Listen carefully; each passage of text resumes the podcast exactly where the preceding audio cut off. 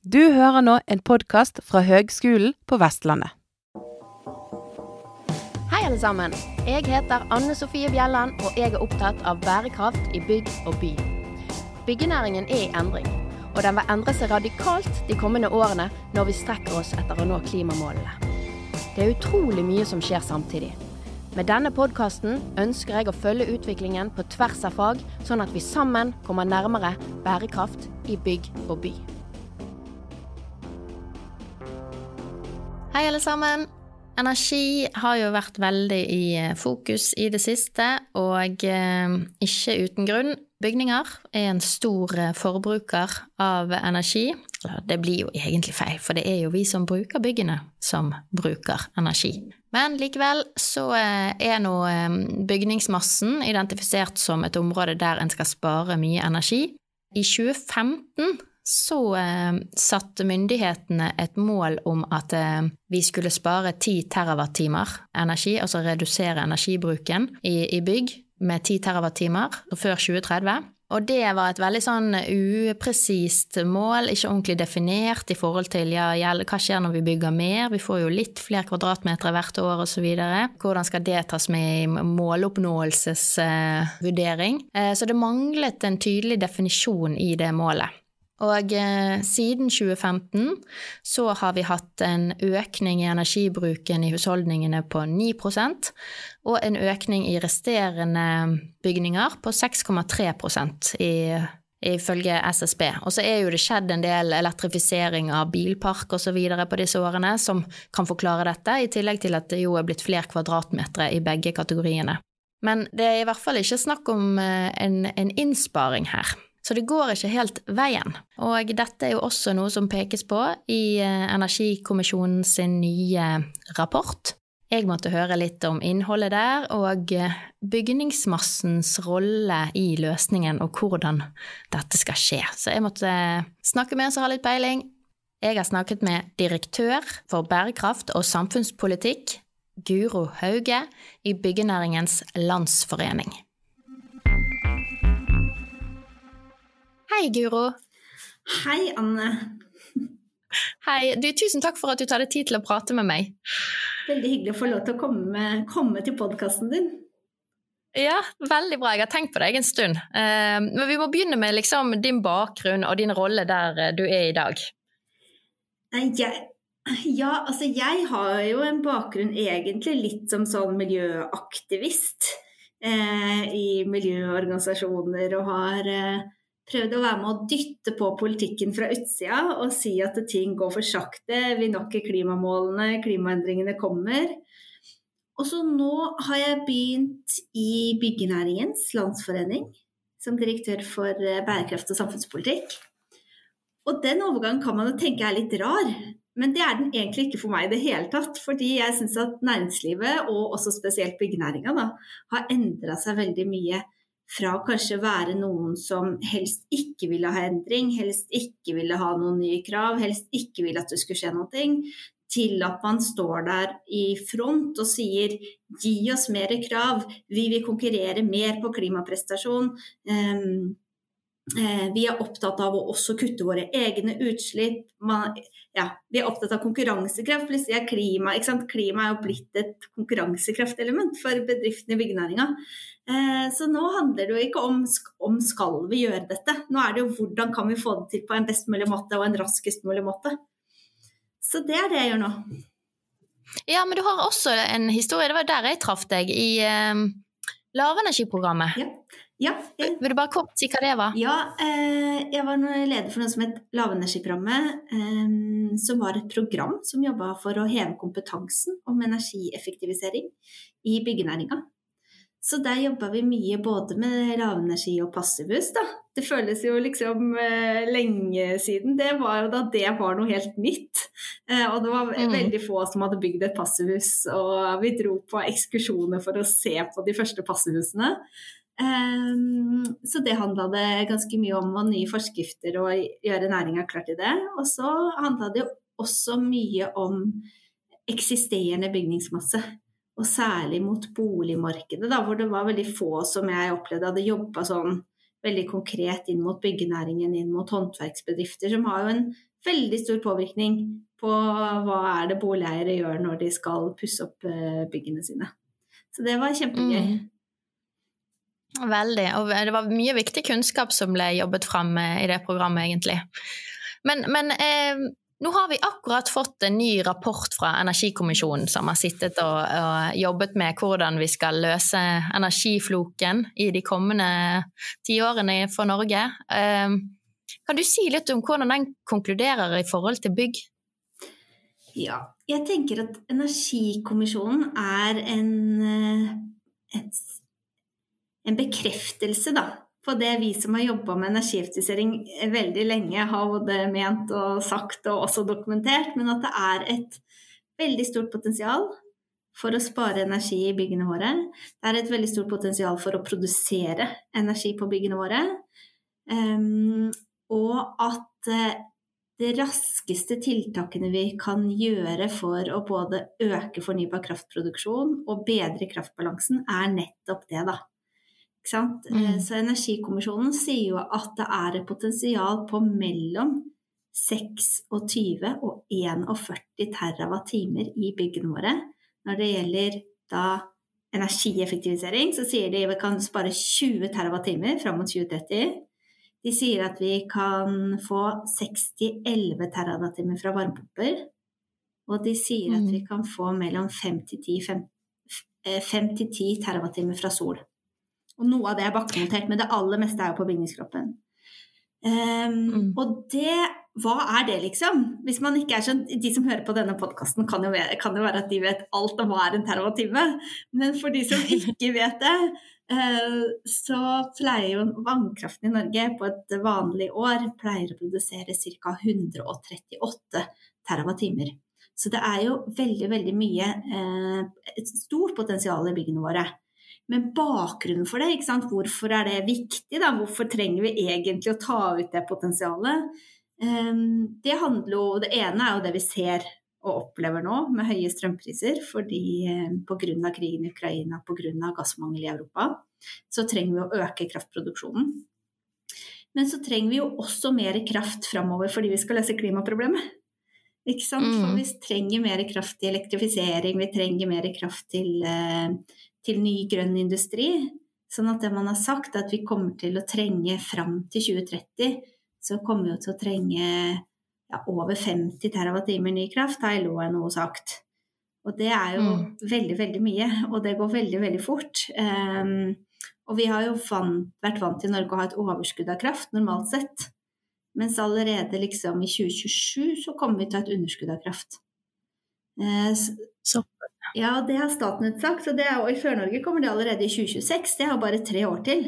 Ikke sant? Mm. Eh, og vi rekker ikke å bygge ut noe havvind eller eh, eh, noen Altså vind på land er jo også krevende og omdiskutert, ikke sant?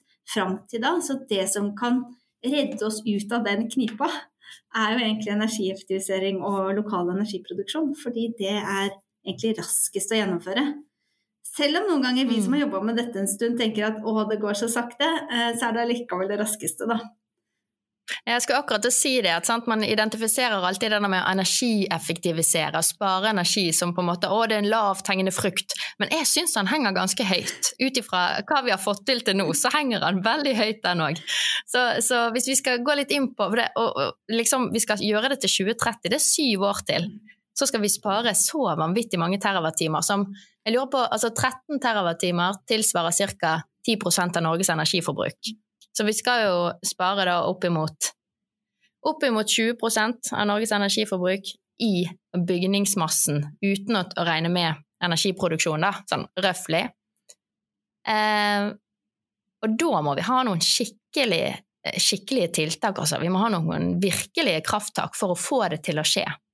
Så eh, hva tenker du må til for at vi skal oppnå det? Jeg tenker jo at det er en litt sånn meny av tiltak vi trenger her, da. Ikke sant. Eh, det, liksom, det hadde vært veldig deilig om det var én sånn quick fix som vi bare kunne gjøre. Eh, dessverre så har jeg ikke kommet borti den ennå, men hvis noen som hører podkasten har den, så vil vi jo veldig gjerne høre om den. Men jeg tenker at um, vi vet jo at en av barrierene for å gjennomføre tiltakene er at det koster mye. At uh, spesielt på mm. bolig så sier man, er boligeiere sier at eh, det er dyrt. Og nå er jo mm. lønnsomheten bedre. Når vi har høye energipriser, så lønner det seg mer med energieffektivisering. Og det merker vi jo. Det jeg har hørt av sånn tall av hva er det som har skjedd i Sør-Norge pga. høye energipriser, er at vi har spart mellom 50-20 um, mm. Men utfordringen der er vel at vi har gjort det med, gjort det med å skru ned temperaturen og, og den type tiltak som ikke nødvendigvis er varige, da. Eh, og så tror jeg at det har ikke vært dumt at folk også har, har tenkt seg litt om når det gjelder strømforbruket sitt. Men, men vi vil jo også framover tenke at, er, at, vi kan gjøre gode tiltak på bygningskroppen som gjør at vi er trygge på at energiforbruket holder seg. For jeg tror med en gang vi får billigere priser igjen, så vil nok det her bety at energiforbruket øker. Så det ene er jo at det er dyrt. Og også sånn i dag når vi ser sånn dyrtid, det er jo det man snakker om at folk har utgift, enda høyere utgifter med boliglån og med, med matpriser og liksom generelt råvarepriser som øker. Eh, så tror jeg at det fortsatt er en veldig viktig barriere. Så det at vi trenger økonomiske virkemidler, ikke sant.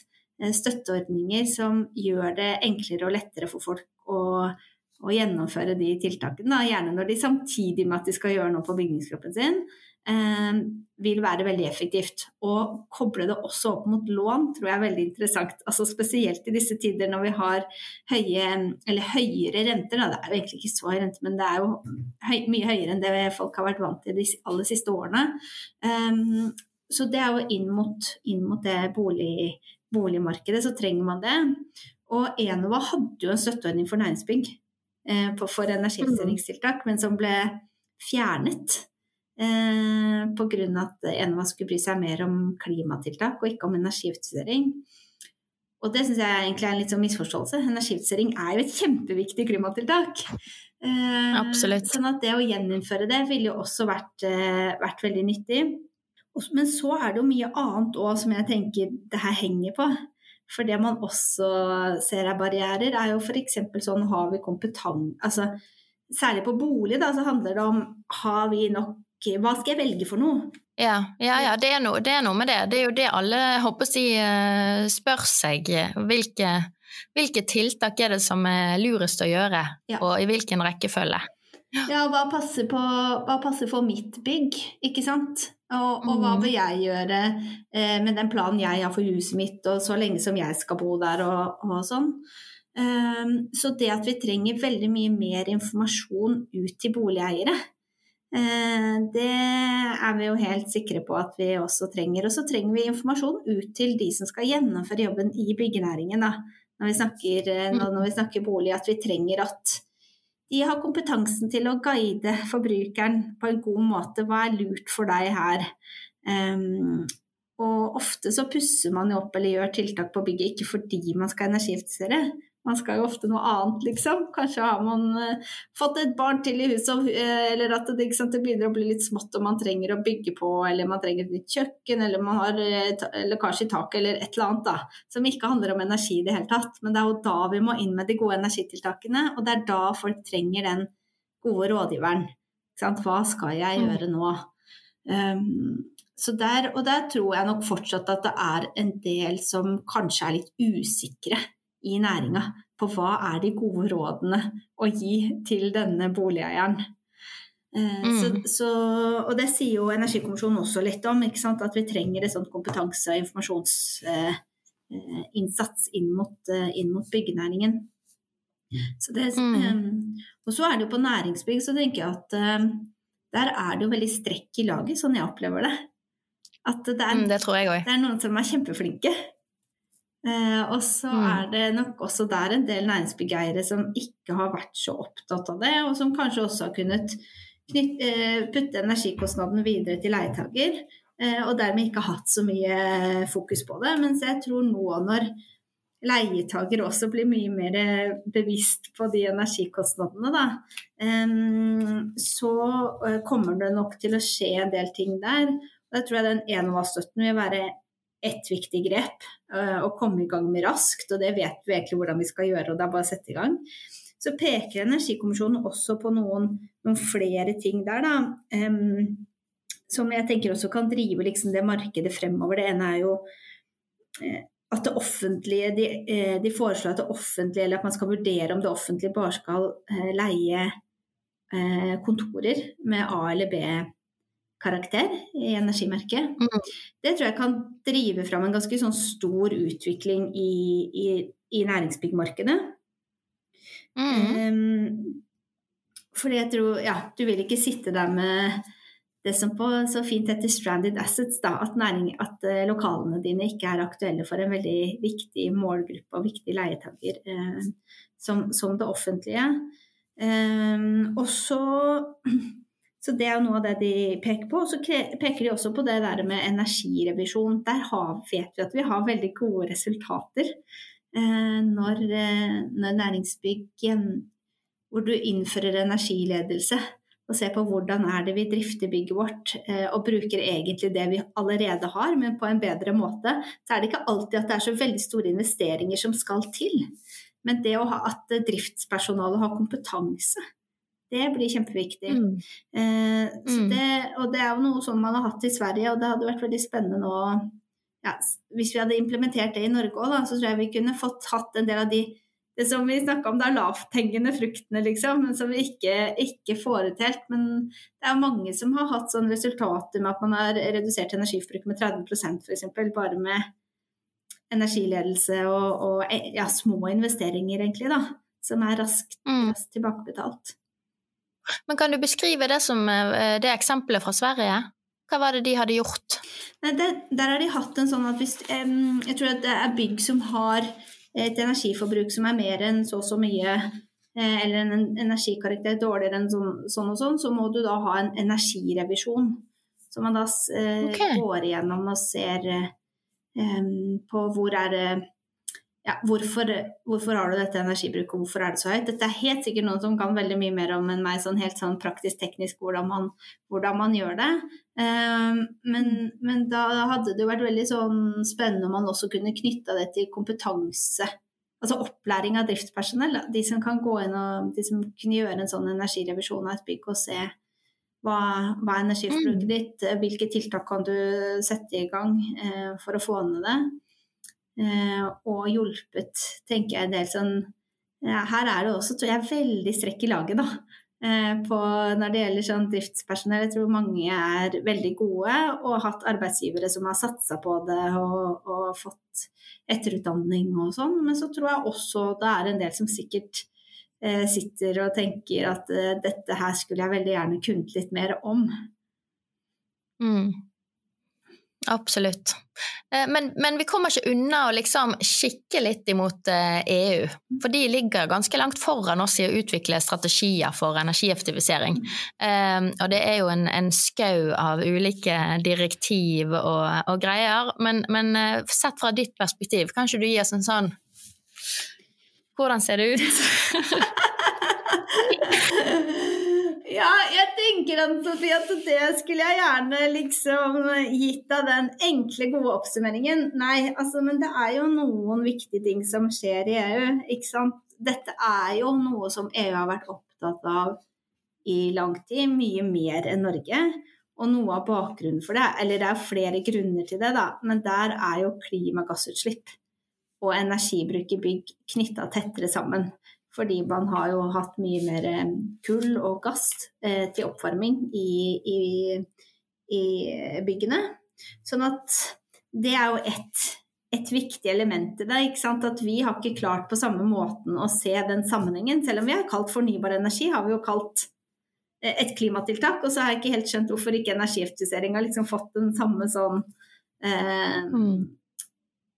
Blitt den samme løsningen da, på klimaproblemet. Eh, men men sånn, så det er det jo i EU. Så man har jo derfor liksom satt seg ja, Man kom med bygningsenergidirektivet tilbake i 2002.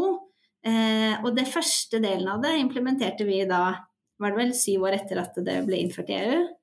Eh, og så har det jo kommet diverse, i hvert fall to Altså det kom ett nytt etter 2010, og så kom det en revisjon av det i 2018.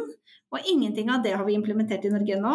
Um, men de Mm. strammer det jo mer og mer til, og nå ser man på, på det direktivet enda en gang. Et nytt, en, en ny, et nytt bygningsenergidirektiv, eh, hvor man ikke bare liksom stiller krav til de nye ikke bare se på de nye byggene og at man skal ha nesten null energibygg og sånn, som man, har, man også har sagt, men at det skal også bety at man også skal stille krav til eksisterende bygningsmasse. Hvor EU har et mål om å der løfte energikvaliteten på den, ja, den dårligste delen av bygningsmassen. Da. Så det er, har jo vært diskutert, og det diskuteres jo fortsatt om du skal stille noen krav, rett og slett, til den dårligste bygningsmassen om at de må løfte seg fra et nivå, fra en energikarakter til, til en eller annen, da. Gjøre et sånt større hopp, og gjennom det på en måte løfte hele bygningsmassen i EU. Så det er jo ganske spennende og ambisiøse, tenker jeg, mål. Men samtidig så tror jeg de, ja, det er helt nødvendig, da. Og de, jo, altså de har jo også økt målet sitt nå på energieffektivisering fra 9 til 13% eller noe fram til 2030, fordi pga. krigen i Ukraina. Og det å få ned energibruken da vil jo være veldig viktig for å bli mer, mindre uavhengig av, av russisk gass, og mer selvforsynt generelt. Da. Så det tror jeg også er jo en sånn ting som man har hatt i Europa som kanskje ikke har hatt i Norge på samme måten. Da. Den altså, man har ikke hatt nok kraft, eller det man har hatt har vært, har vært eh, fossilt. Mens i Norge mm. har vi vært i en annen situasjon. Ja, så har man jo mm. eh, energieffektiviseringsdirektiv og sånn, som skal jo sette noen rammer og det skal lage noen planer. og Det skal bli en struktur på hvordan du jobber med energieffektivisering. Um, og det har vi jo etterspurt mange av oss lenge. Kan det ikke komme en strategi for dette, en plan, en handlingsplan og sånn? Um, så har jo Olje- og energidepartementet håper ikke de hører på denne podkasten. Men de har jo Jeg vet ikke. men, men altså, det har jo ikke vært Jeg, jeg har ikke liksom sett at det har vært et sånt sterkt ønske på å faktisk lage en plan, da. Som faktisk vil få ned energiforbruket. Dette har jo Stortinget sagt flere ganger, at uh, vi, dette må man gjøre. Uh, og så har vel jeg liksom vært Min opplevelse av det har vel vært at man har vært mer opptatt av å liksom få fortgang i dette og, og så slippe å gjøre så veldig mye, da, og heller gjøre en litt sånn papirøvelse hvor du liksom prøver å regne deg bort fra de målene som er satt av Stortinget og, uh, og sånn. Sånn at vi trenger jo en plan og det som man sier i Energikommisjonen nå, ikke sant, et nasjonalt løft, og man trenger en handlingsplan og sånn, men vi trenger en handlingsplan som noen har lyst til å følge opp. Eh, som noen mm. vil.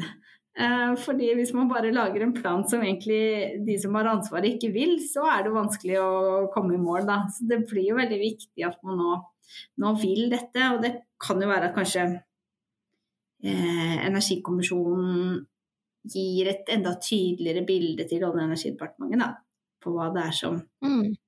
eh, må til. Det tror jeg. Altså, eh, så det kommer jo til å komme veldig mye fra EU. Og så tror jeg liksom det jeg er bekymra for, er jo at vi ikke implementerer de direktivene. Eh, mm. Og så er vi altfor treige. Og så har vi kanskje levd litt godt med det, i hvert fall. Det har vært helt greit. Altså sånn, Det har ikke skapt så mye problemer, da.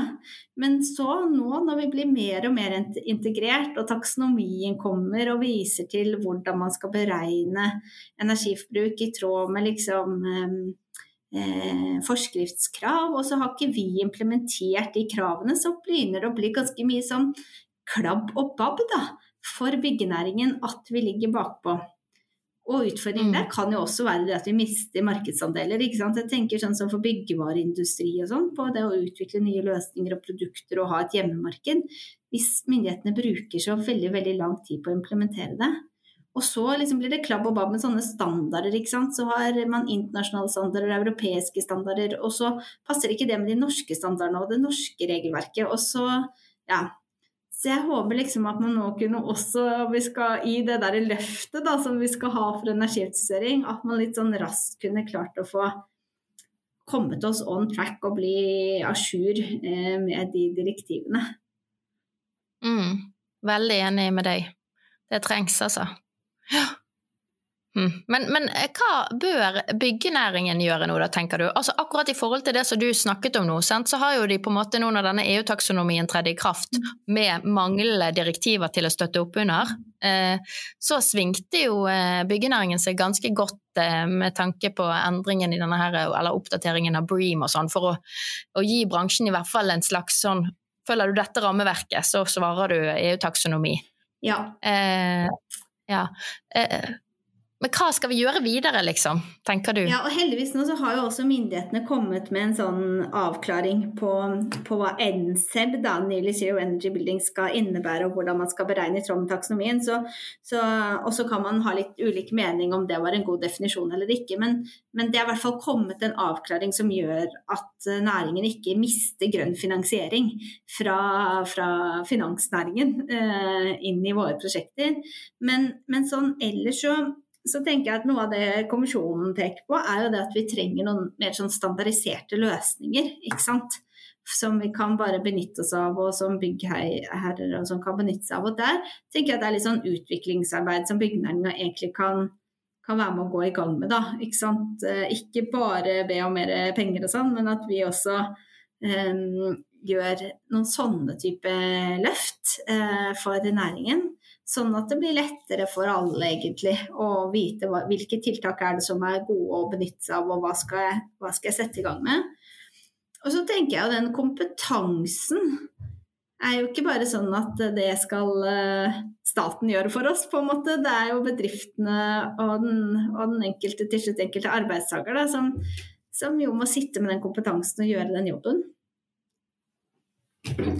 Mm. Um, så ja, så det tenker jeg er noe som vi eh, som byggenæringa eh, bør og kan starte med, da. Eh, mm. Men jeg har et spørsmål, for jeg håper å mitt neste spørsmål er jo litt sånn hva myndighetene bør gjøre, og vi har jo vært litt inne på det. Men, men i forhold til dette med hvem skal sitte med en liksom sånn uhildet eh, kompetanse og rådgi kanskje spesielt da boligeiere som på en måte ikke er en profesjonell aktør. Eh, og da har jeg lurt på om, om egentlig det, istedenfor å være type håndverker eller, eller, sånn, om det er en rolle som egentlig kommunene bør ta. Vi har noen eksempler på det i Norge. Blant annet Asker så har jo de hatt energirådgiver i kommunen som rådgir boligeiere. Eh, og vi har testet det her på høyskolen med studentrådgivning, på en måte. Eh, hva tenker du om en sånn tilnærming?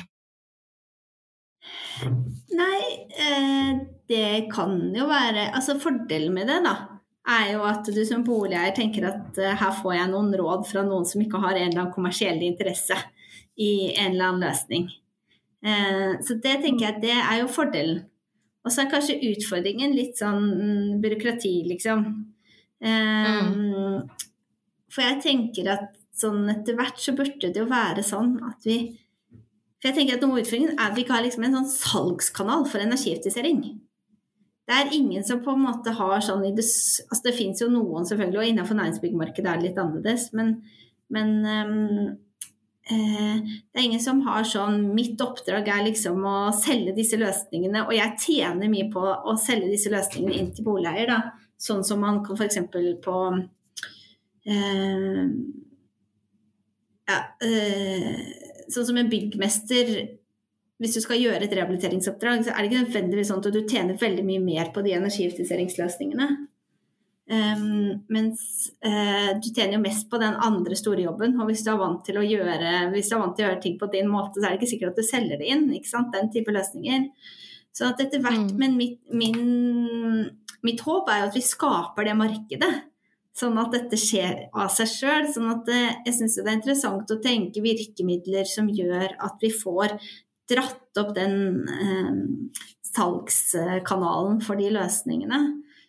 Eh, og en, en byggmester vil jo selvfølgelig ha et insentiv for å, å, selge mer jobb, men på en del løsninger så er ikke nødvendigvis han eller hun den som eh, sitter igjen med sånn enorm økonomisk gevinst, da, som, er, som kan være at man allikevel kan gi god rådgivning. Eh, jeg har tatt til orde for tidligere også et sånt prøveprosjekt hvor jeg har ment at istedenfor å gi kanskje støtten til, eh, til huseier, så kunne du gitt den til håndverker. og sa at ok, hvis du selger inn denne her, disse liksom energieffektiviseringsløsningene, eller sparer så og så mye energi, så får du så og så mye støtte fra oss. Ja. Og da vil det være sånn de som er skikkelig gode selgere, de vil jo kunne ta ganske stor del av den potten sjøl, selv, selvfølgelig. Eh, men du må jo Mm. dele med boligeier for å klare å selge inn den type løsninger. Og da har Mm. jeg et litt sånn kynisk syn på det, at det viktigste her er å få, få gjennomført tiltakene. Så hvis vi da kunne liksom satt i gang den derre salgskanalen for de løsningene, hadde vært veldig interessant. Og det tenker jeg kunne vært, eh, hadde vært spennende å, å prøve, da. Og se får vi mer igjen av det. En annen ting som har vært gjort, som ikke er liksom sånt, gjennom et sånt nasjonalt eller et sånt statlig, kommunalt eh, rådgivning, er i Danmark så er det sånne energispareforpliktelser som er putta på nettselskapene, hvor de får en forpliktelse til å spare så og så mye energi. Og de kunne jo også vært en type sånn, hvis man hadde gjort det samme i Norge, da kunne vært en god rådgiver både på næringsbygg og for så vidt også på, eh, på boligbygg. Hvis de da hadde fått en sånn type forpliktelse, så og så mye må du spare. Mm. Eh, og det, så det syns jeg også hadde vært interessant å gjort som liksom et prøveprosjekt, om det var vi kunne fått med oss et nettselskap som fikk lov til å eh, teste det. Og jeg tenker de har en egeninteresse av å slippe å bygge ut masse nytt nett. Eh, det, Mm. det krever jo investeringer, det også. Så det er også en måte å tenke rådgivning uten å bygge opp et liksom stort offentlig apparat, da. Mm. Men, men det er jo noe Veldig. som ja, taler for å også ha, ha det som offer, altså en sånn mer sånn uhilda, ikke-kommersiell aktør. Mm. Interessante tanker, altså. Man må ha litt sånn eh, drodling når det kommer til disse tingene her. Men, eh, men jeg, jeg var litt nysgjerrig, for det at det, um, i den stillingen som du har nå, det er vel kanskje den første direktøren for bærekraft i BNL? Er det det? Ja, altså vi har hatt hvert fall en, men vi har hatt en direktør for miljøet eh, tidligere. Ranveig Lande het hun. Eh, så jeg Ja. at byggenæringen liksom har vært opptatt av dette tidligere også, men jeg opplever at næringa er mye mer på nå. Man ser ikke dette som et sånt eh, sideprosjekt hvor du må skrive liksom en sånn Vi har en ansvarlig, og vi skriver en miljørapport eller et eller annet sånn bærekraftsrapport, og så er vi sjekka av det. Jeg opplever vel at man Mm. opplever dette her som et uh, konkurransefortrinn, og at det er en del av liksom uh, mer kjernebusinessen, da. Mm. Ja, det er veldig bra. Men jeg var litt nysgjerrig, litt sånn eh, på tampen egentlig, eh, for å høre bare hvilke andre på en måte, tema ligger på pulten din, annet enn energieffektivisering, når, når du jobber med bærekraft i byggenæringen. Det er jo mange temaer, da, fordi byggenæringen er jo stor og har stort eh, fotavtrykk på, ja, på, på flere områder. Eh, og så er jo bærekraft også sosial bærekraft og økonomisk bærekraft sånn, men jeg jobber jo mest med det som handler om klima og miljø. Og da er det jo særlig det å kutte utslipp. Ikke sant? Mm. Eh, for energieffektivisering er med å frigjøre kraft, så vi kan kutte utslipp. Det andre er jo at byggenæringen sjøl genererer ganske store utslipp.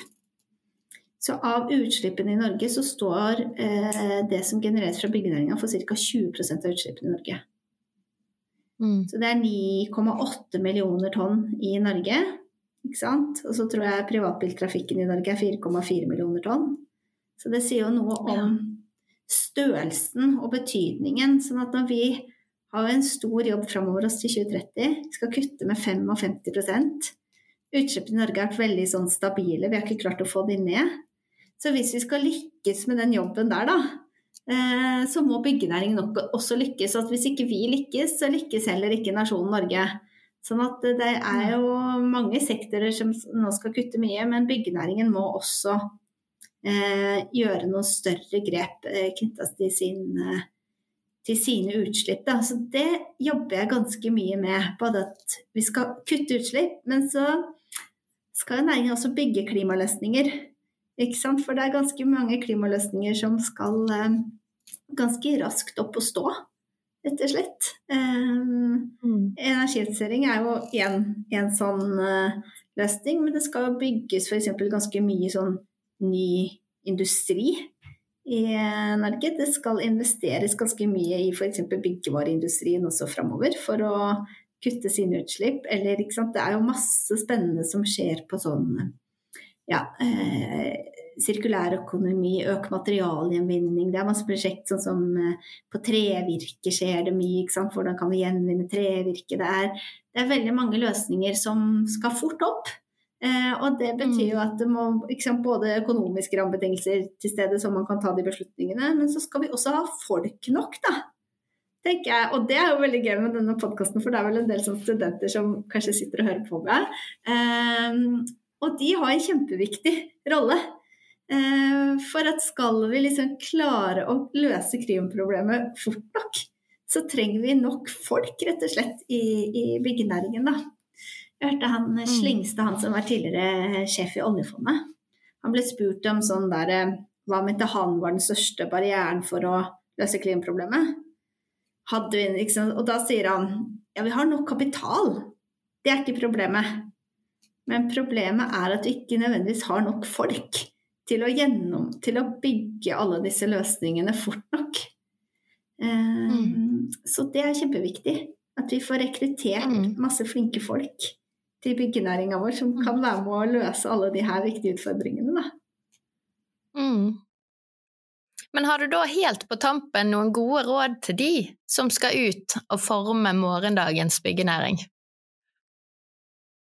Først og fremst at de har, en, har, gjort et veldig godt valg, tenker jeg, med å være en del av, av byggenæringen, og at det er en næring som uh, satser masse på bærekraft. Og hvis jeg liksom skulle gått ut i næringslivet nå og sett hvor er det jeg skal, hvor er det jeg skal jobbe hen, Eh, så ville jeg jo tenkt på hvor er det jeg kan eh, gjøre en forskjell. Og jeg tenker at det er mange av bedriftene som nå ser at det å være opptatt av bærekraft er viktig for å rekruttere gode medarbeidere. Da. Sånn at det tenker jeg også ville sett på. Er dette her en bedrift som er opptatt av bærekraft? Opptatt av å løse klimaproblemet, som har gode planer for det? For det betyr jo også, tenker jeg, et sikrere, et sikrere, jobb, et sikrere sted å jobbe. Eh, fordi vi, det her, hvis du ikke er med på den reisen, da, så er det heller ikke kanskje sånn Har du kanskje ikke så gode framtidsutsikter rent sånn økonomisk for bedriften din. Sånn at um, Og så tenker jeg at vi trenger jo den nye Altså det er jo så masse flinke folk, unge folk, som har masse nye og spennende og gode ideer. Og det å tørre løfte stemmen eh, og tørre å utfordre da, den eh, praks... Altså sånn har vi alltid gjort og sånn. Det tenker jeg er kjempeviktig. At man trenger den fornyelsen som kommer inn med unge folk som har oppdatert kunnskap og har, sant, kommer rett ut men forhåpentligvis liksom det aller siste da, av hvordan man skal prosjektere. Og så Kanskje vet jeg ikke hvordan det er på, mm, godt nok hvordan det er på høyskoler og universiteter og sånn, men også der være litt sånn på for å sikre at man får liksom den cutting edge-kompetansen innenfor det området her. Mm. Veldig bra. Det var en fin oppfordring til oss på høyskoler og universiteter. Veldig bra. Eh, tusen takk for praten, Guro. Tusen takk eh, for at jeg fikk lov til å komme, Anne Sofie. Veldig hyggelig. Ha det godt. Ha det bra. Hvis vi skal nå disse målene for energireduksjon i bygningsmassen, da må det skikkelige virkemidler til. Det er et stort løft vi snakker om. Og hvis vi snuser litt mer på EU, da, så er det flere land som har begynt å implementere det som de kaller for minimum energy performance-krav for eh, den dårligste delen av eh, bygningsmassen. Og det innebærer at eh, disse byggene da, innen en gitt tid, kanskje et par år eller noe sånt, må tilsvare energiklasse C eller bedre, for eksempel. Og så følger det noen virkemidler med på det. Og hvis de ikke gjør det, ja, da får de bot. I tillegg så jobbes det mye med å akselerere innovasjon i byggeindustrien eh, på EU-nivå, eh, både for å finne tekniske løsninger i tillegg til nye forretningsmodeller, som for eksempel Energy as a Service, eller andre løsninger som kan gjøre energieffektivisering til en mer attraktiv aktivitet for alle parter i bransjen. Og byggebransjen har eh, vist seg, altså det er ikke noen som scorer, altså bransjen er ikke en som scorer veldig høyt på eh, innovasjon, men eh, bransjen har vist seg veldig god til å respondere når det kommer endringer. Så ved varsel om krav, så er man god til å svinge seg og finne gode løsninger. Et eksempel der er når man hadde innstramminger på energikrav i nybygg i teknisk forskrift.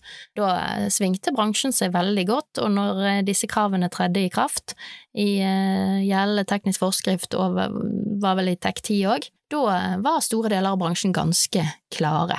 Så man kunne sett for seg kanskje en lignende form for varsling og prosess Eh, på energieffektivisering, da, eller energieffektivitet i eksisterende bygg. En annen utfordring det er at undersøkelser gjort i EU, som eh, norske forskere mener vi kan eh, anta for Norge òg, viser at mellom 2010 og 2020 så var bare 20 av byggrenovasjoner inklusiv energioppgradering. Som vil si at man renoverer bygg, men man henter ikke ut energieffektiviseringspotensialet i stor nok grad. Eh, og det handler jo kanskje litt om at eh, ser vi på i hvert fall bygningsmassen i Norge, da, så eh, kan det jo henge sammen med at ca. 66% av våre bygde kvadratmeter de er bygget etter forskrifter fra før 1989.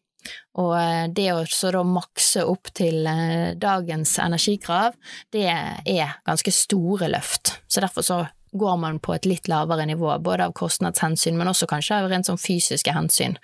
Eh, med tanke på tykkelser og dimensjoner og så videre. For næringsbygg så er det litt sånn som Guro sier, tror jeg, da, at det er litt strekk i laget, men jeg tror også det er på næringsbygg at de kanskje aller eh, lavest hengende fruktene er, fordi at der er det veldig mye å hente på optimalisering av drift. Og det trenger heller ikke å koste så veldig mye. Eh, det er kanskje mer eh, kompetanseintensivt, men, men det kan man jo kjøpe seg inn litt, kanskje. Og videre så vil nok ytterligere utbedringer eh, der trolig komme med sånne stimuleringsordninger fra Enova som nå sitter og klekker ut nye spennende ting, i kombinasjon med noen krav, kanskje. Og så er det boliger, eh, og der er situasjonen ganske annerledes. For 77% av husholdningene i Norge de eier egen bolig, og det er alle disse som må gjøre noe med bygningsmassen sin. Og det er også flere ting som bør skje i, i boligmassen. Eh, de må tåle å stå ute i det været vi skal ha fremover, så det må klimatilpasses. Dette bør inngå i en sånn oppgradering. I tillegg så blir jo boligen kanskje den viktigste arenaen for eldreomsorgen fremover, og for at denne politikken innenfor eh, omsorg skal lykkes, så må boligmassen støtte opp under det ved økt tilgjengelighet. Eh, vi vet ganske lite om tilgjengeligheten i boligmassen, men estimerte eller ulike undersøkelser tyder på at vi ligger på en sånn cirka 10% av boligene som er liksom veldig tilgjengelig. Så har vi jo en stor variasjon. Men i utredninger nå opp mot det kommer en ny sånn eh, bo trygt hjemme-reform, og der omtales boligmassen som aldersfiendtlig. Så disse hensynene bør også inngå i en oppgradering av boliger, og hvis dette ses i sammenheng med lokal planlegging, så da må vi på en måte fra nasjonalt og ned på lokalt kommunal planlegging og fortettingshensyn, så kan det å legge til enten en boenhet eller ekstra areal hvis det er næringsbygg vi snakker om, det kan eh, virkelig se bra ut i forhold til finansiering av dette her, for det vi snakker om nå er jo utrolig kostbare ting. Og det har vi noen eksempler på i Bergen, både på næringsbygg og i borettslag, eh, der man har fått flere boenheter og eh, kanskje en etasje til eller to på næringsbygg. Og i de tilfellene så har det å få legge til mer areal vært avgjørende, sånn finansieringsmessig. Og eh, det er jo òg en form for myk fortetting som vi kanskje også ønsker, men der kunne lokal kommune på en måte få til en god synergi da, mellom alle disse tingene som vi ønsker skal skje i det bygde miljø. Så eh, en kan se for seg noen sånne pakkeløsninger gir synergier, der vi bruker verktøyene både fra Husbanken, som har heistilskudd og andre gunstige lån og så og Enova, som nå eh, koker i hop sine nye, eh, og så ser de i lys av lokal planlegging i større grad enn i dag. Ja, da skal jeg roe meg ned. Men jeg er litt opptatt av dette her, og grunnen er at det er jo noe med at dette her må skje på en rettferdig måte. Det kan ikke være sånn at eh, de som har handlekraft og pengekraft, får energieffektivisere boligene sine, og de som ikke har det, de får ikke. Så her må man tenke lurt sånn at alle kommer med. Yes. Den er god. Vi snakkes. Ha det godt.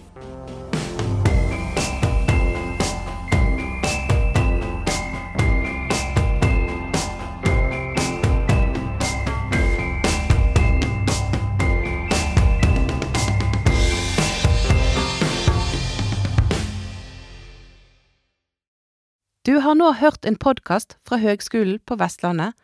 For å høre flere podkaster, besøk hvl.no slash podkast.